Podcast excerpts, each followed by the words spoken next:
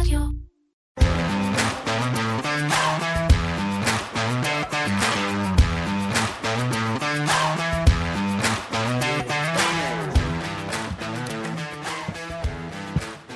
לאבא שלי אף פעם אין כסף, ואני ואחותי צריכים להתחשב. לאבא שלי אף פעם אין כסף, למרות שהוא עובד קשה, וכמעט שלא יושב. לאבא שלי אף פעם אין כסף, וגם אף פעם לא יהיה לו, אני חושב.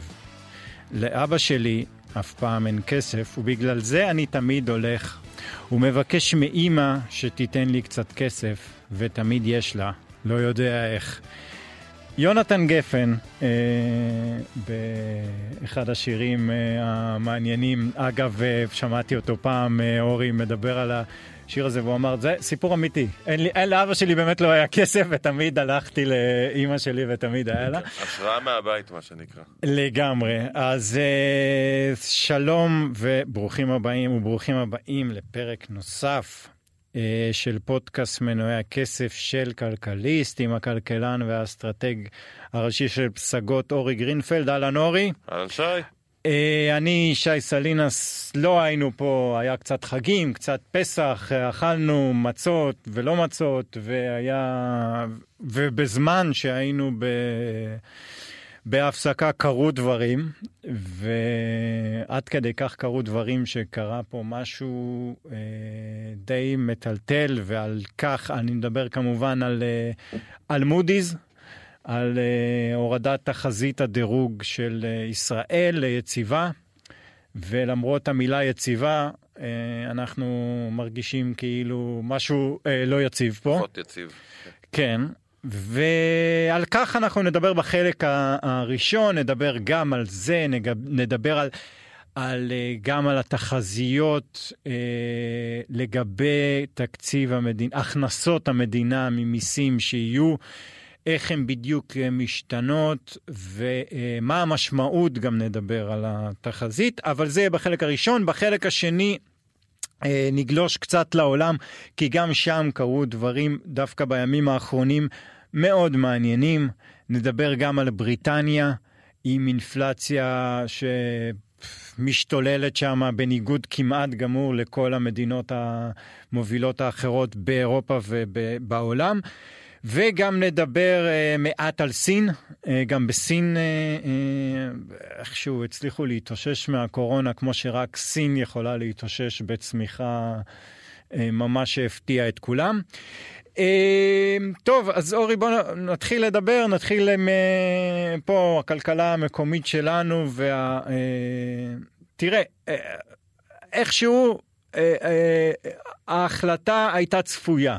נכון? היא לא באמת, לפחות כמה ימים אה, אה, לפני, היה ידוע שבאותו יום שישי ב-11 וחצי בלילה תפורסם אה, סקירה של מודי'ס, שזה גוף דירוג האשראי בין שלושת הגופים הגדולים בעולם. היה צפוי שיורידו את תחזית הדירוג. אה, לא היה ממש צפוי שלא יעשו כלום, כי הם גם uh, הזהירו שזה מה שהם יעשו. כן, לפני חודש וחצי הם כבר פרסמו הרי uh, הודעה uh, מחוץ להודעות הרגילות שהם מפרסמים, והתייחסו אז בהודעה ממש לסעיף סעיף, דיברנו עליה, סעיף סעיף ברפורמה המשפטית, ומה יכולות להיות ההשלכות הכלכליות של כל אחד מהסעיפים, ואיפה זה מייצר סיכונים. ולכן כן, בזמן שאנחנו ישבנו בשבוע של פסח, אז אתה יודע, חלקנו עבד יותר וחלקנו עבד פחות, אז היה כזה סך הכל שקט, אבל אה, הציפיות לדוח של מודי'ס אה, עשו את שלהם בשוק המטח, ראינו את הדולר אה, עולה בשבוע שלפני, כמו הרבה פעמים בשוק, אה, זה מצב כזה של תקנה בשמועות ותמכור בחדשות. זאת אומרת, מצפים לאיזשהו מהלך, אז כבר מנסים להקדים את המאוחר. אה, כנראה, אגב, שבציפיות גם היו, היו כאלה שכנראה ציפו גם למצב יותר גרוע, למשל הורדת אופק הדירוג לשלילי, אה, אולי אפילו הפחתת דירוג, למרות שזה נראה לי ציפייה קצת אה, מוגזמת, אה, כי לא מורידים דירוג כל כך מהר, ולכן דווקא ביום שאחרי, אה, בפתיחת המסחר במטח, ראינו את הדולר יורד. כן. אה, אבל זה עניין של שוק, אתה יודע, השוק תמיד מגיב אחרי האירוע אה, אחרת וב- ב- ביחס של בין הציפיות שהיו למה באמת קרה. אבל בסוף, אם אנחנו צריכים, אנחנו צריכים לדבר על ההחלטה עצמה, מה המשמעויות שלה, ובעיקר מה המשמעויות הכלכליות שלה. כן, אבל אתה יודע מה? אנחנו נדבר על זה, אבל תסביר לנו לפני זה, מה, מה, מה, איך זה עובד בכלל? איך, איך חברה, למה בכלל יש תחזית דירוג? למה יש דירוג? למה אי אפשר להסתפק רק בדירוג? מה אני צריך תחזית דירוג? מה אני... מה, למה? איך זה עובד? אוקיי, אז בואו נתחיל מזה שיש לנו שלוש חברות בעולם שהן חברות דירוג אשראי, אה, שכולם מתייחסים אליהן, S&P, מודי'ס ופיץ'. החברות האלו מדרגות בעצם את האשראי של מדינות וגם של אה, פירמות אגב, הן עושות גם אשראי קואופרט... אה, קואופרטיבי, אבל אנחנו מתייחסים עכשיו לחברות, ה- לאשראי של המדינות. מה זה אומר, רק חשוב להגיד, מה זה אומר דירוג של האשראי? מה בכלל המשמעות של המשפט הזה? כי בניגוד למה שאנחנו שומעים פה בתקשורת, ולא משנה אם אתה בערוץ 12 או בערוץ 14, חברות דירוג האשראי לא נותנות ציון לתפקוד הממשלה, הן לא נותנות ציון לאם אנחנו מדינה אחלה או לא מדינה אחלה. הדבר היחיד שהן עושות זה בודקות את היכולת של המדינה לעמוד בהחזרי האשראי שהיא לקחה. זאת אומרת, אם מדינת ישראל לקחה הלוואה בדולרים למשל, כי יש למדינת ישראל אגרות חוב שהיא אה, גייסה בדולר או באירו, מדינת ישראל צריכה להחזיר את הכסף הזה, תוך כדי הזמן היא צריכה לשלם גם ריביות. חברת דירוג האשראי בעצם מה שהיא נותנת זה את ההסתברות שהמדינה תעמוד ביכולת, בהחזר החוב שלה. זה בסוף הסיפור. אז, אז, אבל זה לא שאלה של כן או לא. זאת אומרת, הם יכולה אמרתי, לעמוד, כן היא או לא. נותנת את ההסתברות אה. שזה יקרה. אוקיי. ובמקום לתת מספר, ההסתברות היא כזו וכזו, מה שהם בעצם עושים, הם נותנים ציון, והציון הזה מתחיל מרמה שנקראת triple A, זאת אומרת 3 A, זה הציון הגבוה ביותר. אחרי זה יש ציון שנקרא 2 A, אחרי זה A1, אחרי זה 3 B'ים, 2 B'ים, B1, 3 C'ים, 2 C'ים, וזה יורד עד D, D מקבל את מי שכבר בדיפולט. דיפולט זאת אומרת מדינה שפשטה רגל מקבלת ציון D. שאין, שהיא לא תחזיר את החובות שלה. סביר להניח כבר ש... לא- היא- זה כבר 100%. זה זה אה. הרגע שההסתברות הפכה ל-100% והחברה והמדינה הגיעה לדיפולט. עכשיו, בתוך כל אחת מהמשפחות האלו, יש גם שלושה שלבים. זאת אומרת, מדינה יכולה להיות דאבל איי, היא יכולה להיות דאבל איי פלוס, שזה קצת מעל דאבל איי, ויכולה להיות דאבל איי מינוס, שזה קצת מתחת לדאבל איי. זאת אומרת, בתוך כל ציון יש עוד שלוש דרגות, זה נקרא נוטשים, כמו בסולם. יש לנו בעצם, בסולם הדירוגים, יש לכל דירוג שלושה שלבים משלו. אה, וזה הציון שהמדינה נותנת, ובאתרים של חברות הדירוג אתה תוכל להיכנס ולראות אם חברה, אם אה, חברה, אני אומר, מדינה למשל מדורגת בדירוג דאבל בי פלוס, זה אומר שההסתברות שלה להחזיר את החוב היא כזו וכזו. אוקיי. זה בעצם מה שחברות הדירוג עושות. עכשיו, הדברים, הם- החיים הם כמובן דינמיים ודברים זזים, וחברות הדירוג צריכות להגיב ולראות איך דברים משתנים בתוך הכלכלה, ומה קורה לסיכוי להחזיר את החוב. ואנחנו יודעים שהרבה פעמים בכלכלה יש תהליכים, תהליכים שיכולים לשנות לטובה או לרעה את יכולת ההחזר של החוב. וכשחברת הדירוג מזהה תהליך כזה, היא רוצה לבוא ולהגיד, תראו, התחיל פה משהו, סביר להניח שאם מה שהממשלה מנסה לעשות יצליח, בוא נהיה אופטימיים, אז נגיד, של, נסתכל על זה לחיוב, המדינה למשל החליטה להקטין משמעותית את החוב שלה בדולרים ולהגדיל את החוב במטבע מקומי. שזה אוטומטית מקטין את הסיכון שלה.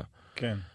אז יש החלטה כזאת, היא לוקחת כמה שנים טובות ליישם אותה, באה חברת הדירוג ויכולה להגיד, תראו, התחיל פה תהליך, אנחנו מעלים את אופק הדירוג, את תחזית הדירוג לחיובית, שהמשמעות היא בעצם שאם הדברים ימשיכו כמו שעכשיו אנחנו רואים, סביר להניח שבעתיד הלא רחוק, שנה, שנתיים מהיום, הדירוג של המדינה יעלה. זה בעצם המשמעות של אופק הדירוג או של תחזית הדירוג, זה אותו דבר. בסטטיסטיקות, נכנסתי לאתר של מודי'ס, אז אמנם הסטטיסטיקות שם זה על אגרות חוב אה, קואופרטיביות של, של חברות, אבל אני מניח שזה די דומה גם במדינות. אה, אם יש לאיגרת חוב אופק דירוג חיובי, הסיכוי שבאמת הדירוג יעלה אחר כך הוא סביב ה-70%. זה אופק דירוג שלילי, הסיכוי שהדירוג ירד אחר כך, הוא גם באזור ה-65-70 אחוזים. אה, כי הם, לא, הם פשוט לא רוצים לעשות את זה דרמטי מדי, זאת אומרת הם אומרים לך התחלת תהליך, אה, תראה, אני אם... עוד לא אעלה לך את הדירוג כדי שאם לא תשלים אותו אני אוריד, אני... בדיוק, בדיוק, הם כן רוצים לציין שיש פה אופק, אה, המילה אופק היא טובה פה, כי התחלת תהליך, הוא, הוא כנראה, אם הוא יצליח ו, וייושם בצורה מלאה, אז כנראה הדירוג שלך צריך להיות יותר גבוה.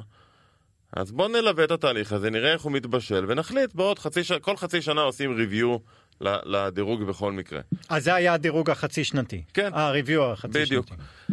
אז מה באמת קרה? מודי'ס באו ואמרו אחרי שלפני חודש הם כתבו שלרפורמה המשפטית יכולות להיות השלכות חמורות על הכלכלה הישראלית אה, ובעיקר על אה, הנושא של הגירעון, ואני רוצה תכף להתעכב על זה ולדבר על הכלכלה ולא לדבר על הרעשים. אה, הם פרסמו את הריוויו שלהם ובריוויו הם הורידו את אופק הדירוג של ישראל מחיובי ליציב. עכשיו, קודם כל ולפני הכל, לבוא ולהגיד, אה, שטויות, זה יציב, זה אמירה שהיא פשוט אה, אה, בעייתית. היא חסרת הבנה איך שווקים עובדים. כי נכון שזה יציב, נכון שזה כביכול כרגע אומר שאנחנו לא צפויים לראות הורדת דירוג לישראל, זה נכון. כן. אבל לפני חצי שנה ציפינו לראות העלאת דירוג לישראל. זה הייתה המשמעות של אופק דירוג חיובי. עכשיו, שאני אתה אומר את זה לאנשים אומרים, אה, מי ציפה? אף אחד לא ציפה.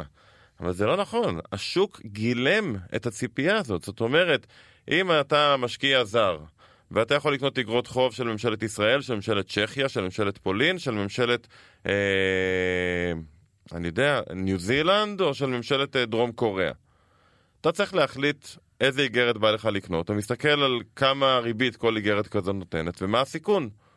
כשאתה היית, לפני חצי שנה, אם הסתכלת על ישראל, ראית שהיא בדירוג A פלוס, אבל סביר להניח שהדירוג יעלה לדאבל A מינוס. אז אתה בעצם משווה את המדינה, את האג"ח הזה, לאג"ח של, של מדינות אחרות, גם ב-A פלוס וגם בדאבל A מינוס. אתה אומר, יש הסתברות שהיא לא נמוכה, שבעוד חצי שנה האג"ח הזה הוא בעצם דאבל A מינוס. כן. אז אני משווה את זה, אנחנו היינו איפשהו באמצע, האופק דירוג החיובי שם אותך מבחינת דירוג בין לבין, זה כאילו עוד שלב ביניים כזה. כן. ועצם העובדה שעברנו מדירוג חיובי לדירוג יציב, זה אומר שהסיכוי שנראה העלאת דירוג לישראל בשנים הקרובות הפך להיות קרוב לאפסי. למה, למה אבל אתה אומר בשנים הקרובות? או, אז פה צריך להתייחס גם למה שמודי'ס אמרו בהודעה שלהם. אה, אבל לפני זה, רק לסיים את הטענה הזאת, ולזה צריך להיות מחיר בשוק. והמחיר הוא בא לידי ביטוי בפרמיית הסיכון של המטח, וראינו איך שער הדולר זז, והוא נהיה יותר תנודתי, ואגב, השוק תמיד מודיע לחברות הדירוג מה הן צריכות לעשות, כן? השוק כבר כן. שם. ופרמיות הסיכון בשוק המטח עלו, ופרמיות הסיכון באגרות חוב של ממשלת ישראל עלו. כשממשלת ישראל תבוא לגייס עכשיו אג"ח בארצות הברית, היא תצטרך לשלם ריבית יותר גבוהה ממה שהיא שילמה לפני חצי שנה. זה, זה בדיוק מה שיקרה. יכול להיות שזה לא הרבה יותר גבוה, אבל זה יותר גבוה, זה אומר אנחנו צריכים לשלם פרמיית סיכון יותר גבוהה. עכשיו, למה אני אומר באמת שגם סביר להניח שלטווח ארוך? ופה, כשקוראים את ההודעה של מודי'ס, אני חושב שצריך להתמקד בהשלכות הכלכליות, ולא כועסים עלינו או לא כועסים עלינו. מה מודי'ס בעצם אומרים? ואתה יודע מה הכי מעניין היה? הפער בין ההודעה הקודמת של לפני חודש וחצי להודעה הזאת. לפני חודש וחצי הם התייחסו לרפורמה. הפעם הם כאילו כבר לא התייחסו לרפורמה, כנראה כי הם מבינים שיש שיחות רציניות למצוא איזשהו תוואי, אבל הם כן מתייח... מתייחסים לחוסר השקט החברתי שיש. ומה שהם בעצם אומרים זה שחוסר השקט הזה כשלעצמו מייצר עלייה בסיכון לאשראי, לסיכון החוב של מדינת ישראל. למה?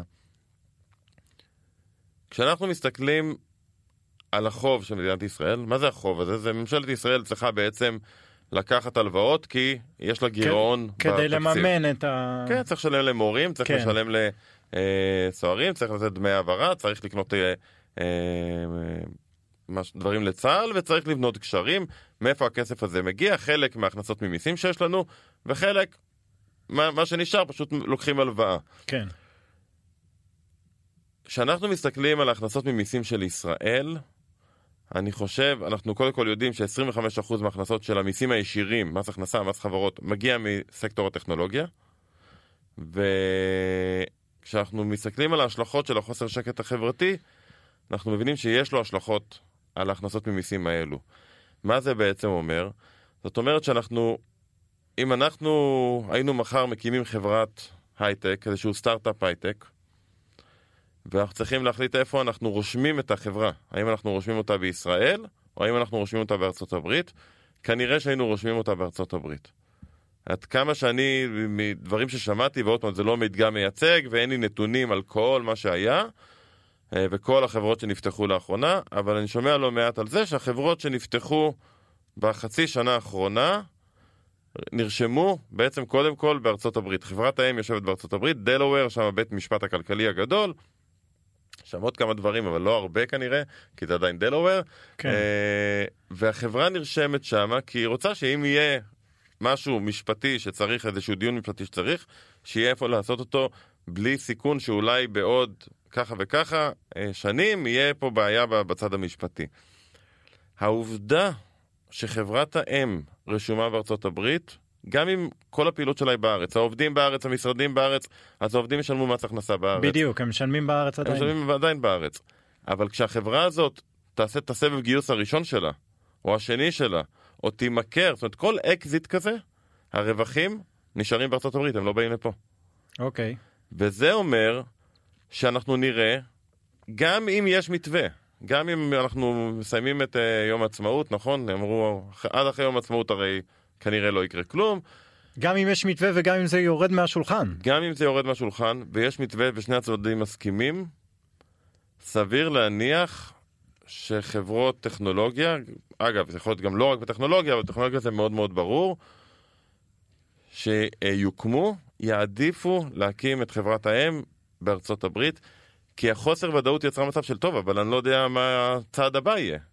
ואוקיי, עכשיו השיגו איזשהו מתווה, אבל מה יהיה עוד חצי שנה, ומה יהיה עוד שלוש... אה, אה, שנה. כן. וזה תהליך שצריך להבין, ההשלכות שלו יבואו בעוד חמש שנים. כן. כי כל הסטארט-אפים האלה, האקזיטים הגדולים שלהם יבואו בעוד חמש-שש שנים. כן. ואז בעצם אני מסתכל על המשמעויות הכלכליות לגבי מדינת ישראל, הרי כבר היום הגירעון של מדינת ישראל, היום ספציפית הוא מאוד מאוד נמוך אגב. כי היו המון הכנסות ממיסים ב-2000, בשנה החולפת.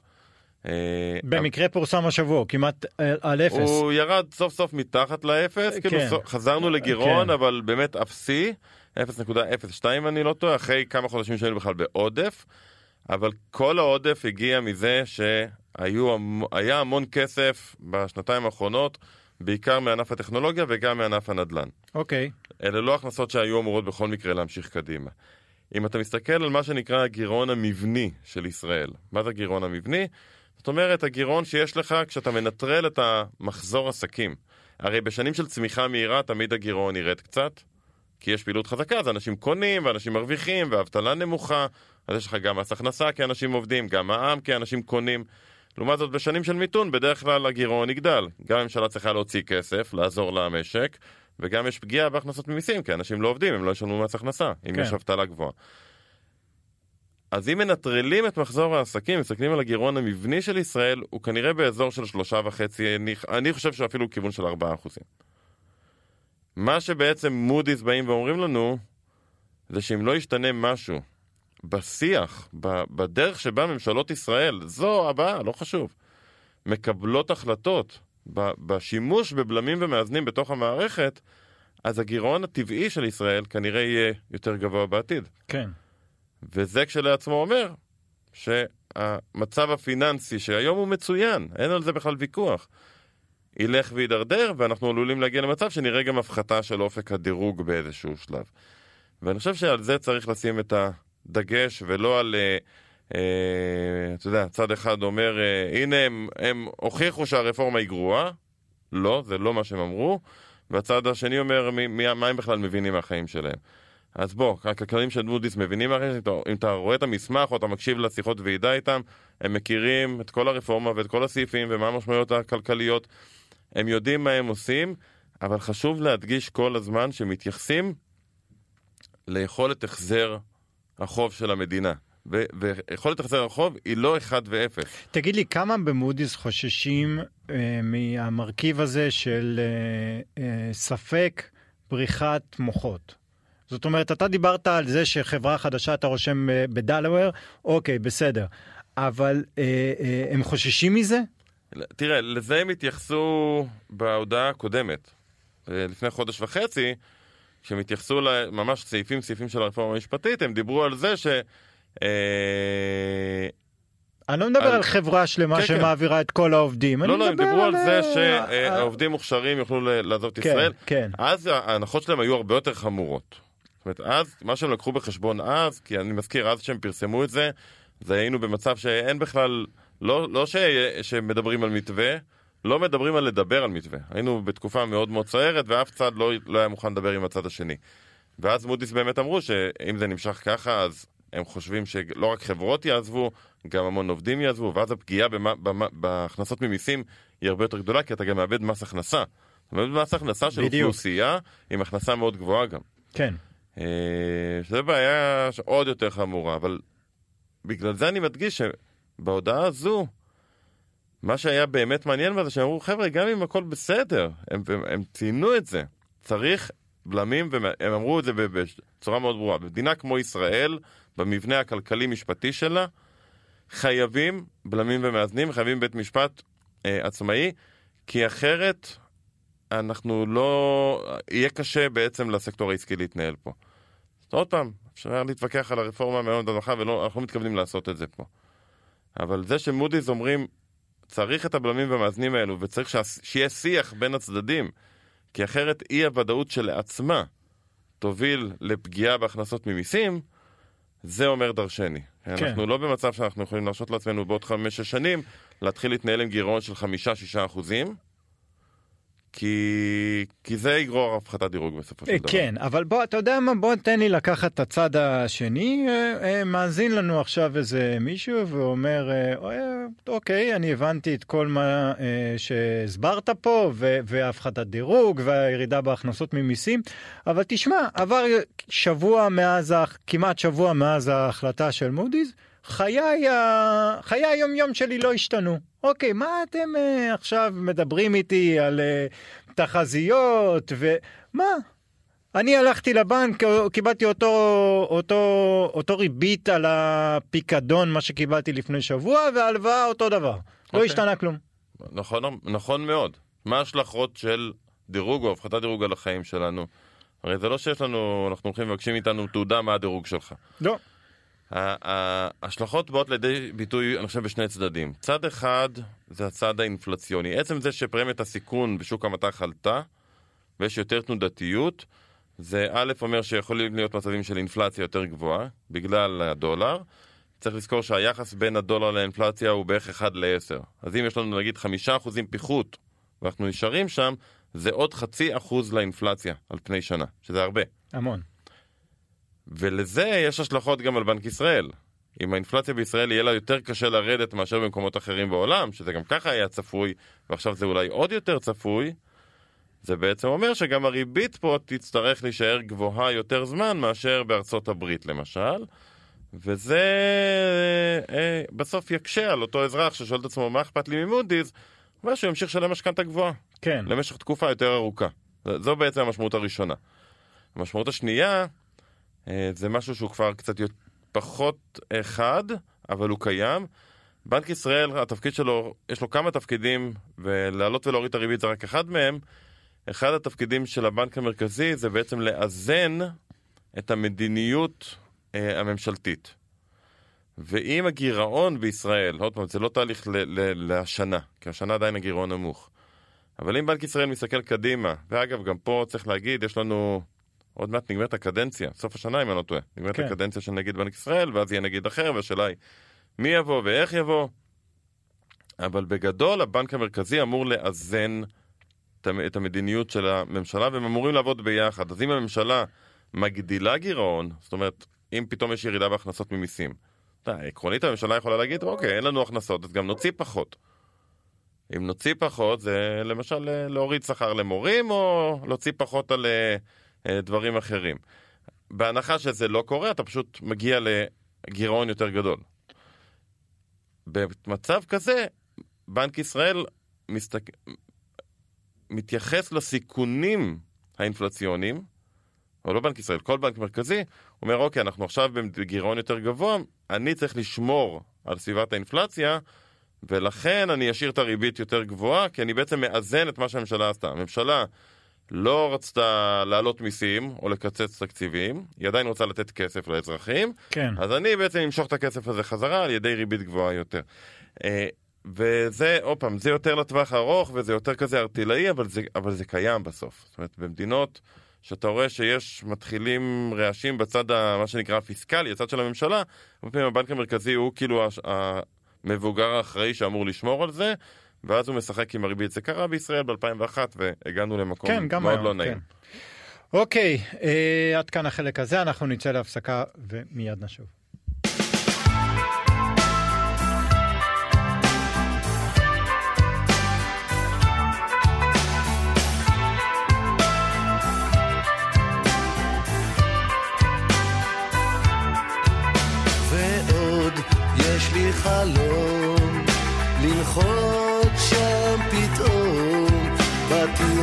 שחזרתם אלינו. אורי, בוא תן לי להקריא לך כמה אה, הייתה האינפלציה השנתית בחודש מרץ במקומות אה, אה, נבחרים באירופה. ספרד 3.1 אחוזים, הולנד 4.5, בלגיה 5, צרפת 6.6 אחוזים, גרמניה 7.8 אחוזים, איטליה 8.2 אחוזים, ובמקום הראשון בפער והמדינה היחידה עם אינפלציה דו-ספרתית, בריטניה עם 10.1 אחוזים. מדהים. אה, הנתונים... אין ה- על בריטניה. אה, כן, תשמע, הנתונים האלה שפורסמו הם אפילו אה, הפתיעו את החזאים. זאת אומרת, גם הם לא ציפו לכאלה נתונים, ולא יודע, תגיד, בוא נתחיל מהשורה התחתונה, למה? למה? מה קרה? מה? מה? בריטים? שוב? אה, כן, אתה יודע, כמו ארסנל האהובה שלך, המצב רק הולך ומידרדר. אה. זה- התחיל טוב, זה נגמר רע, כמו שאומרים. אה, תראה, יש שני גורמים שהרבה יותר, שמשפיעים על האינפלציה בבריטניה אה, בצורה מאוד מאוד משמעותית. ראינו את המחירים שם של המזון למשל. אה, קופצים, דיברת על זה. אה, יש מקומות של עשרות אחוזים, חלק מפריטי המזון. כן. אה, וזה... סוכר וחלב עלו ב-40 אחוזים בהשוואה לתקופה המקבילה כן, בשנה שעברה. וירקות ופירות כן. עלו בהמון. זה חלק גדול מזה. עוד פעם, יש בעיה בכל העולם עם הגריינס, וזה לא דבר שהוא אופייני רק לבריטניה, אבל לבריטניה גם נוסף העניין של הברקסיט. עדיין אנחנו מדברים על בוודאי, הדבר הזה? א- אין עובדים, וכל העלות של אה, יבוא ממדינות אירופאיות אחרות אה, פשוט התייקרה. אה, וחסרים עובדים, והמשלוחים הם לא כמו שהם היו פעם. אה, פחות משאיות, וכן הלאה וכן הלאה וכן הלאה, וזה מייקר את כל הסיפור. אה, אז זה בצד ש... בעיקר בצד של המזון אה, זה משפיע, אבל המחירי מזון בבריטניה, כמו שאמרת, בעליות חדות מאוד. אה, וזה בדרך כלל, אגב, כשאתה מסתכל על מתי האינפלציה הכי כואבת, זה כשזה מגיע מהמזון, אין מה לעשות. תמיד. אה, והמקום השני שבדרך כלל הכי כואב זה האנרגיה, מהמם. וגם פה לבריטניה יש בעיה. אומרת, אם זה היה מחירי הריהוט שעולים מאוד, אז נראה לי שזה פחות היה מטריד אותם. אבל זה גם המזון וגם האנרגיה, שני הדברים שאתה קונה באופן שוטף, אה, ובאנרגיה העניין הוא שאתה יודע, יש, בעיית האנרגיה היא עולמית, אבל בבריטניה, בניגוד לאיחוד האירופי, אה, סליחה, בניגוד לגוש האירו, השימוש בגז טבעי ובפחם הוא עדיין מאוד מאוד גדול. ואלו שני מקורות אנרגיה שהמחיר שלהם עלה בצורה משמעותית. אנחנו מדברים על בערך 60 אחוז, אה, הנתון האחרון שאני ראיתי, מהשימוש במוצרי אנרגיה בבריטניה, זה אה, פחם וגז, חצי חצי, 30 ו-30.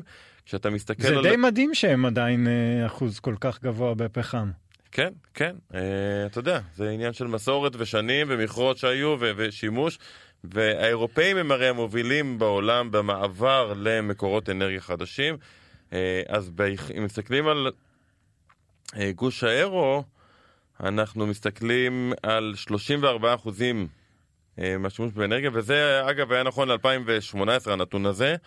מאז זה בטח השתנה, אולי זה קצת חזר אחורה עכשיו בגלל המחירים, אבל אנחנו מדברים על 34 אחוז של אנרגיה מתחדשת. כן.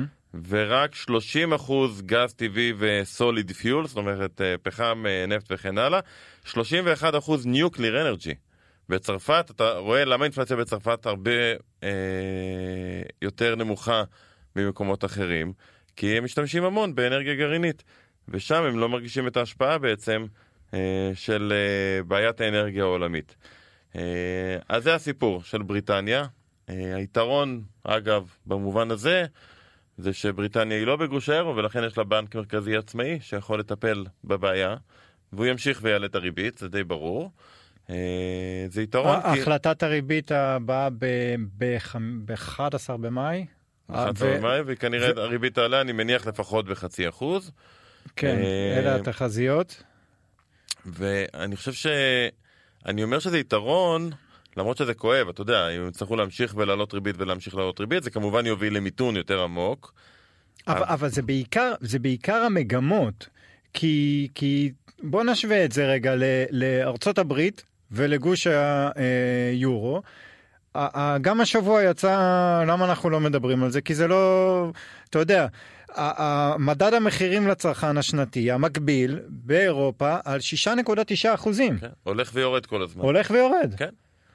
אה, כי הדברים האלה, זה, אני חושב ש... עוד פעם, יש את העניין של האנרגיה שמאוד השפיע בסוף. כשאתה מסתכל על לונג רן, בוא, בוא נניח שאנחנו לא יודעים מה יקרה בשוק האנרגיה, כי כמובן זה מאוד מושפע ממה שקורה באוקראינה, אבל בלונג רן הסיפור של הברקסיט הוא הרבה יותר משמעותי, כי זו, זו אינפלציה שהיא אינפלציה, מה שאוהבים לקרוא בכלכלה סטיקי. זה, זה נשאר. המחסור בעובדים זה דבר שיישאר לזמן ארוך, אלא אם כן מחר בריטניה תרד מהעץ ותגיד אנחנו מוכנים לקבל כל עובד אירופאי ולתת לו אשרת עבודה בלי בעיה. שאתה אומר תרד מהעץ ותבטל את הברקסיט. כן, זה סוג של לבטל, אתה יודע, אני שנים אומר, בסוף זה מה שיקרה. בסוף, כמו שווייץ, כמו נורבגיה, הן לא חברות באיחוד האירופי, אבל הן די כן חברות. זאת אומרת, יש כל כך הרבה הסכמים. שמאפשרים גם לבן אדם שנולד בשוויץ לעבור ולעבוד באירופה כזכש, אה, אה, עם זכויות שוות אה, לכל העובדים האירופים. ובסוף גם בריטניה תגיע לשם, אבל זה אגו, וכמובן, וכל התהליך עוד יחסית צעיר. וזה תהליך שמייצר אינפלציה לטווח יחסית ארוך. ואם נוסיף לזה, אתה יודע מה, אנחנו לא יודעים לחזור את האנרגיה בטווח קצר, אבל אין ספק שאירופה כולה בשנים הבאות אה, תעשה כל מה שהיא צריכה כדי להתנתק מהתלות הרוסית. זה אומר שכנראה לאורך שנים מחירי האנרגיה יהיו קצת יותר גבוהים. כי זה, זה גם, לא, לא תוך יומיים אתה בונה צינורות uh, גז חדשים ומתחיל, הם כבר עושים את זה, אבל זה תהליך ש, שייקח לו זמן, לבנות מיזמים חדשים של הנזלה של גז, של LNG. כן. אז, אז גרמנים שם חזק, שופכים על זה המון המון כסף. אבל זה תהליך שייקח זמן, ולכן כנראה שנראה את שוק האנרגיה ברמת מחירים יותר גבוהה ממה שהיינו רגילים קודם לכן. אה, וכן, הבריטים ייאלצו להתמודד עם זה. הפעם האחרונה שהאינפלציה שם הייתה גבוהה, זה הביא לנו אה, ג'נר מוזיקלי אה, טוב, התחיל בדיוק הפאנק בתקופה של תאצ'ר ו- וכל זה. אה, כן? אה, אז אולי, אה, אולי יצא מזה טוב בסוף. אוקיי, כן, אולי אה, תהיה אלופה חדשה בכדורגל, לך תדע. לך תדע. אה, בוא נדבר על סין, כי כן חשוב לדבר על מה שקרה שם השבוע ומה קרה שם. אה, היא רשמה צמיחה של 4.5% ברבעון השנה, הראשון של השנה, הרבה מעבר לתחזיות שעמדו על אה, בערך 4%. זה קצב הצמיחה הגבוה ביותר בשנה האחרונה. וזה מורכב בעיקר מזינוק במכירות הריטייל הקמעונאיות, שזינקו מעל לעשרה אחוזים. אגב, יש אפילו ירידה בשיעור האבטלה, משהו שלמדתי השבוע, הם, הם, הם מודדים שיעור אבטלה אה, אורבני. ושיעור כן, האבטלה... כן, בכפרים לא מודדים. כן, כי כנראה קצת קשה. כן, כן, זה מקובל ב- בהרבה מדינות שיש להם countryside גדול. האמת, גם באירופה יש לך מדדים שהם רק הצד האורבני, שזה יותר מלמד על הכלכלה, כי עוד פעם, כל הכפרים האלה אה, ברחבי אה, ספרד, כן. איטליה, המשמע... לא שהם לא חשובים, פשוט ההשפעה שלהם היא פחות אה, מהותית. אז, אז וואו, כי כל הכבוד, צחקנו פה ועשינו תוכניות על הזירו קוביד, כן, ואמרנו... אבל מה זה, הם, הם שחררו את הזירו קוביד. ברגע ששחררת אנשים מהבית הם ילכו ויקנו. כן. ודווקא פה, אתה יודע מה, אני אפילו הייתי מופתע כלפי מטה, במובן מסוים. מהנתוני תוצר, אה, ואני חושב שזו הופכת להיות אחת השאלות המעניינות. כי כשהיינו בצד אה, של הקורונה של הסגרים, אז גילינו בדיעבד שסין לא למדה מהמערב שום דבר. והיא המשיכה עם המדיניות של הסגרים, וזה פגע בה, ולקח לה זמן לשחרר את זה עד שהיא ירדה מהעץ. לא למדו מהמערב. השאלה היא אם עכשיו הם לומדים מהמערב, והם ינסו לעשות משהו כדי למנוע את הטרפת שהייתה במערב במחצית שנייה של 21 ותחילת 22, מה שהביא לאינפלציה מאוד מאוד גבוהה. כי ברגע שהשתחררנו מהקורונה, וגם היינו עם חסכונות עתק, נזכיר, היה פה תקופה ארוכה שאנשים ישבו בבית, לא הוציאו כסף, אבל קיבלו כסף. לא רק פה, כן? בכל העולם כן, המערבי. כן, ופה הכוונה שלי ארה"ב, אירופה, כן. ישראל. אה, וכששחררו את הכלכלות, אנשים באו וראו חסכונות גבוהים מאוד שעד היום משתמשים בהם. בנק ישראל הוציא על זה עבודה לא מזמן, לא זוכר אם דיברנו על זה.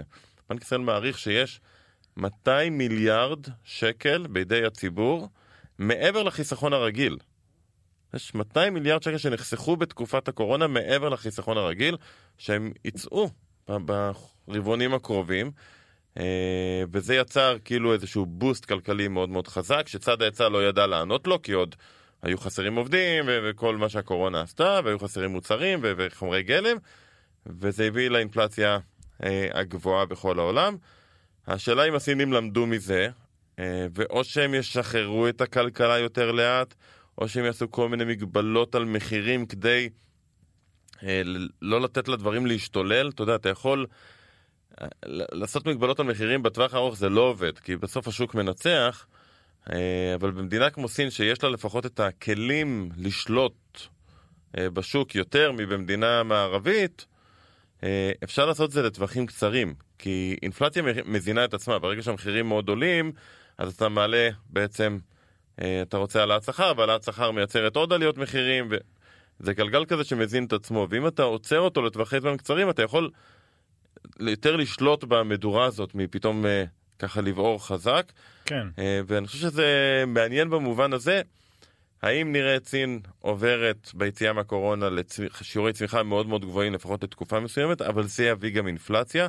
ונזכיר, בסין יש גם בועת אשראי, היא לא נעלמה. לא. היא הייתה בבידוד מה שנקרא, אה, ואם סין תצטרך להתמודד עם ריביות יותר גבוהות, זה יקשה מאוד על כל הנושא של בועת האשראי שם.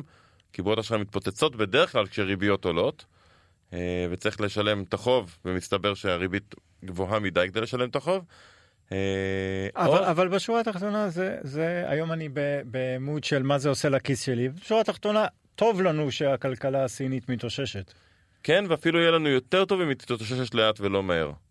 שלא תשתולל ולא תיכנס לאיזשהו ברוך אינפלציוני גדול שיכול להוביל לבעיות. כן. עדיף שהיא תתאושש לאט, כי בסוף כן, בסוף כלכלה סינית מתאוששת עושה טוב ללא מעט פירמות מערביות. אה, אז בבחינה הזאת כן, בטח בשווקים הפיננסיים, אבל גם אתה, יצואנים ישראלים שעובדים עם סין, אה, רק אני חושב שהיה עדיף, עוד פעם, יהיה עדיף אם זה יקרה בצורה הדרגתית ומבוקרת, ואנחנו מדברים על מדינה שהמדינה בה, אנחנו מדברים על ארץ שהמדינה בה מבקרת את הכל, אה, השאלה אם הם יעשו את זה, השאלה אם פה הם כן למדו מהמערב, או שהם יראו צמיחה מהירה והם יגידו וואו איזה יופי, הנה עכשיו הפגיעה הפוליטית שספגנו בשנה האחרונה, והייתה הרי פגיעה פוליטית, והיו מחאות בסין, דברים שלא נראו שנים, אה, אולי בעצם הכלכלה כאילו תחזיר את הפופולריות אה, של שי ושל המפלגה, ואולי הם אה, ייהנו מזה ולא יעשו מה שצריך כדי למנוע מהאינפלציה לעלות. אה, נחיה ונראה. הם תמיד, הם תמיד מצליחים להפתיע אותנו בכל מדיניות, והם כנראה לומדים מהטעויות שלנו הרבה יותר ממה שאנחנו חושבים. אה, בקורונה אפשר להתווכח על זה, בקורונה פשוט לא היו בכיוון בשום צורה שהיא, והתעקשו יותר מדי זמן שהם צודקים לגמרי. אה, חכה, עוד לא סיכמנו. עוד לא סיכמנו את הקורונה? עוד לא סיכמנו את הקורונה. זרקתי את כל המסכות. כן? נקנה חדשות. כן. טוב. עד כאן החלק הזה. אה, אה, היום אה, יש לנו אה, את הפינה של אה, הולכים, לש... אה, הולכים לשוק עם הדברים המשמעותיים שיקרו בשבוע הקרוב. מבחינת נתוני מאקרו אין יותר מדי אה, אה, נתונים דרמטיים בשבוע הבא, אין יותר החלטות ריבית ולא אינפלציה, אבל אני אה, מזכיר שאנחנו בימים הראשונים של הדוחות בוול סטריט.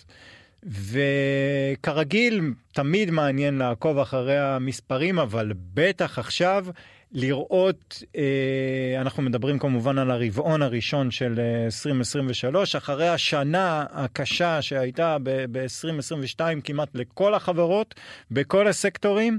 אולי חוץ מהאנרגיה.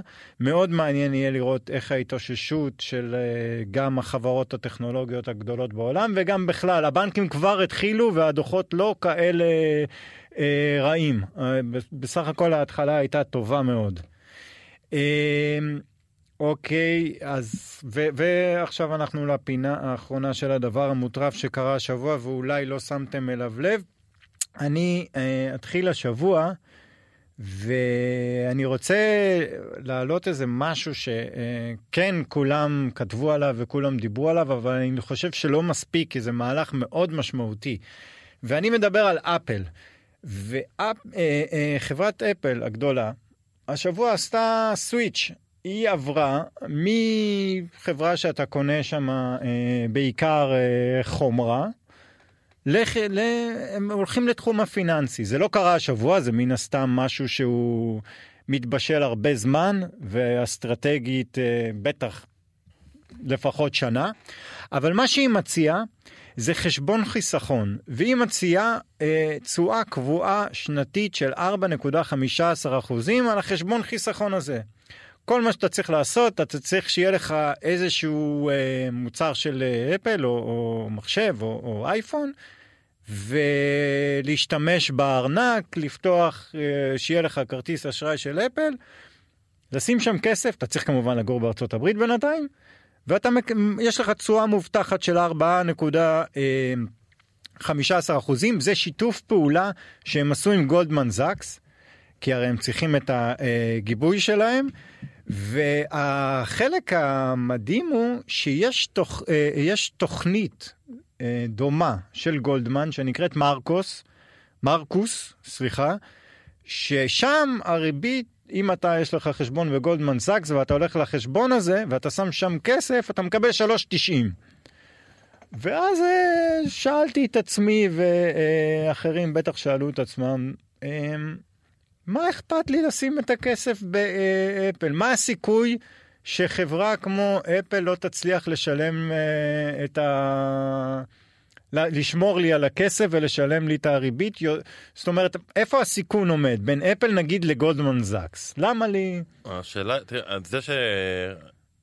כבר תקופה, כבר כמה שנים מדברים על זה שהאיום הכי גדול לסקטור הפיננסי מגיע מחברות הטכנולוגיה.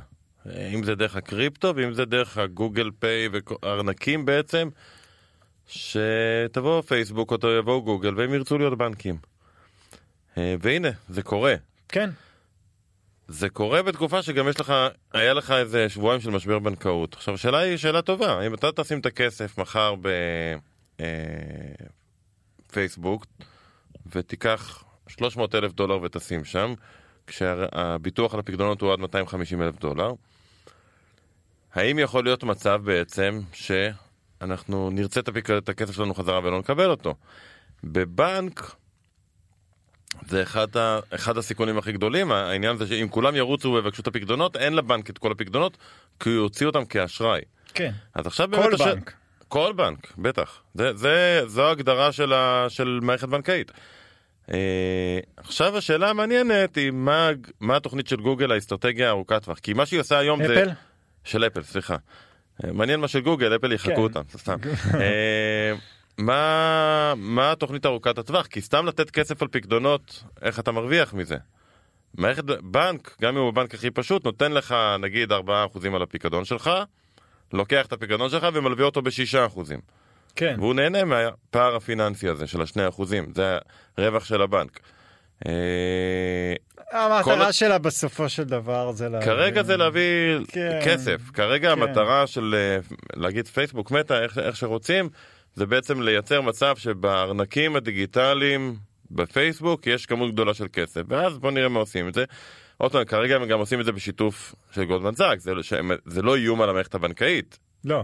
אבל מתישהו אני מניח שהכיוון הוא בעצם שיהיה פייסבוק בנק. ואם יהיה פייסבוק בנק, כי אחרת בשביל מה לעשות את כל זה? אני לא, לא מוצא את ההיגיון.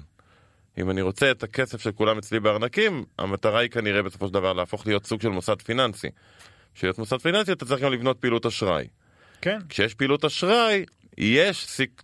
אתה צריך, לק... אתה כמפקיד צריך לקחת בחשבון מה הסיכון של הבנק הזה, מה היציבות של הבנק הזה. ואז השאלה, יתחילו שאלות אחרות, האם הוא יהיה תחת רגולציה של הרגולטור הפיננסי בארצות הברית, כן או לא, ומה קורה עם אה, אה, פייסבוק במדינות אחרות, ואיפה הרגולטור פה יפקח, גם ככה הרגולציה על התחום אה, של אה, פייסבוק אה, אה, בעייתית. יש פה המון שאלות, אבל אני מסכים איתך, זה...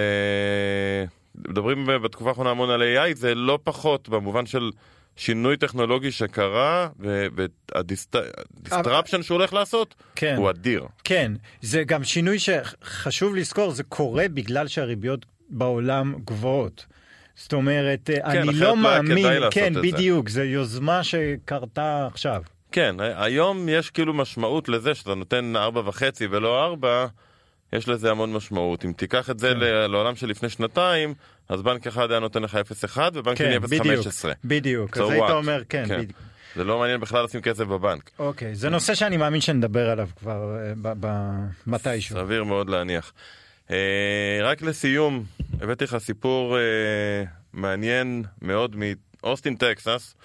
מדברים על זה שבארץ לפעמים, אתה יודע, עד שאתה מזמין משטרה, עד שהאמבולנס מגיע, לוקח זמן וכן הלאה. כן, אז באוסטין, טקסס, אה, איזשהו זוג נסע ברכב, נכנס בהם נהג אה, משאית, אה, כנראה שיכור, נסע לפי העדויות שלהם, נסע בצורה, בזיגזג כזה, אה, ונכנס בהם, והם כמובן הזמינו משטרה, 911, לקח להם שעתיים וחצי להגיע, ועד שהם עשו לו את הבדיקה של האלכוהול הוא כבר היה פיקח, ואי אפשר היה להוכיח שהוא היה תחת אלכוהול, ובעצם. שחררו את הבחור. אה, אז כן, אוי ואבוי. באווירה אופטימית זו. לפעמים, אתה יודע, לא משהו, אבל יש מקומות גרועים יותר. כן, נכון. תודה רבה לכם שהאזנתם, תודה לדביר חזן העורך שלנו ולסתיו בצללי הטכנאי, שיהיה חג אה, עצמאות שמח, שקט ואופטימי.